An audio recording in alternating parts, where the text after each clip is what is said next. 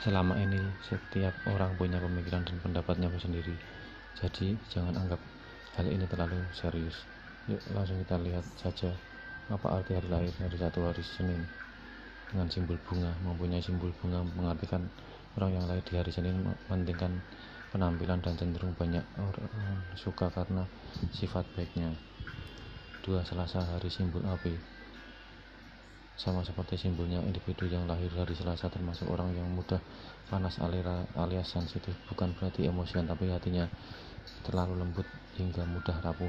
Tiga hari Rabu dengan simbol daun daun identik dengan tenang dan elegan. Hal ini juga sama dengan orang yang lahir di hari Rabu sosoknya tidak suka banyak bicara berkepribadian tenang dan pendiam.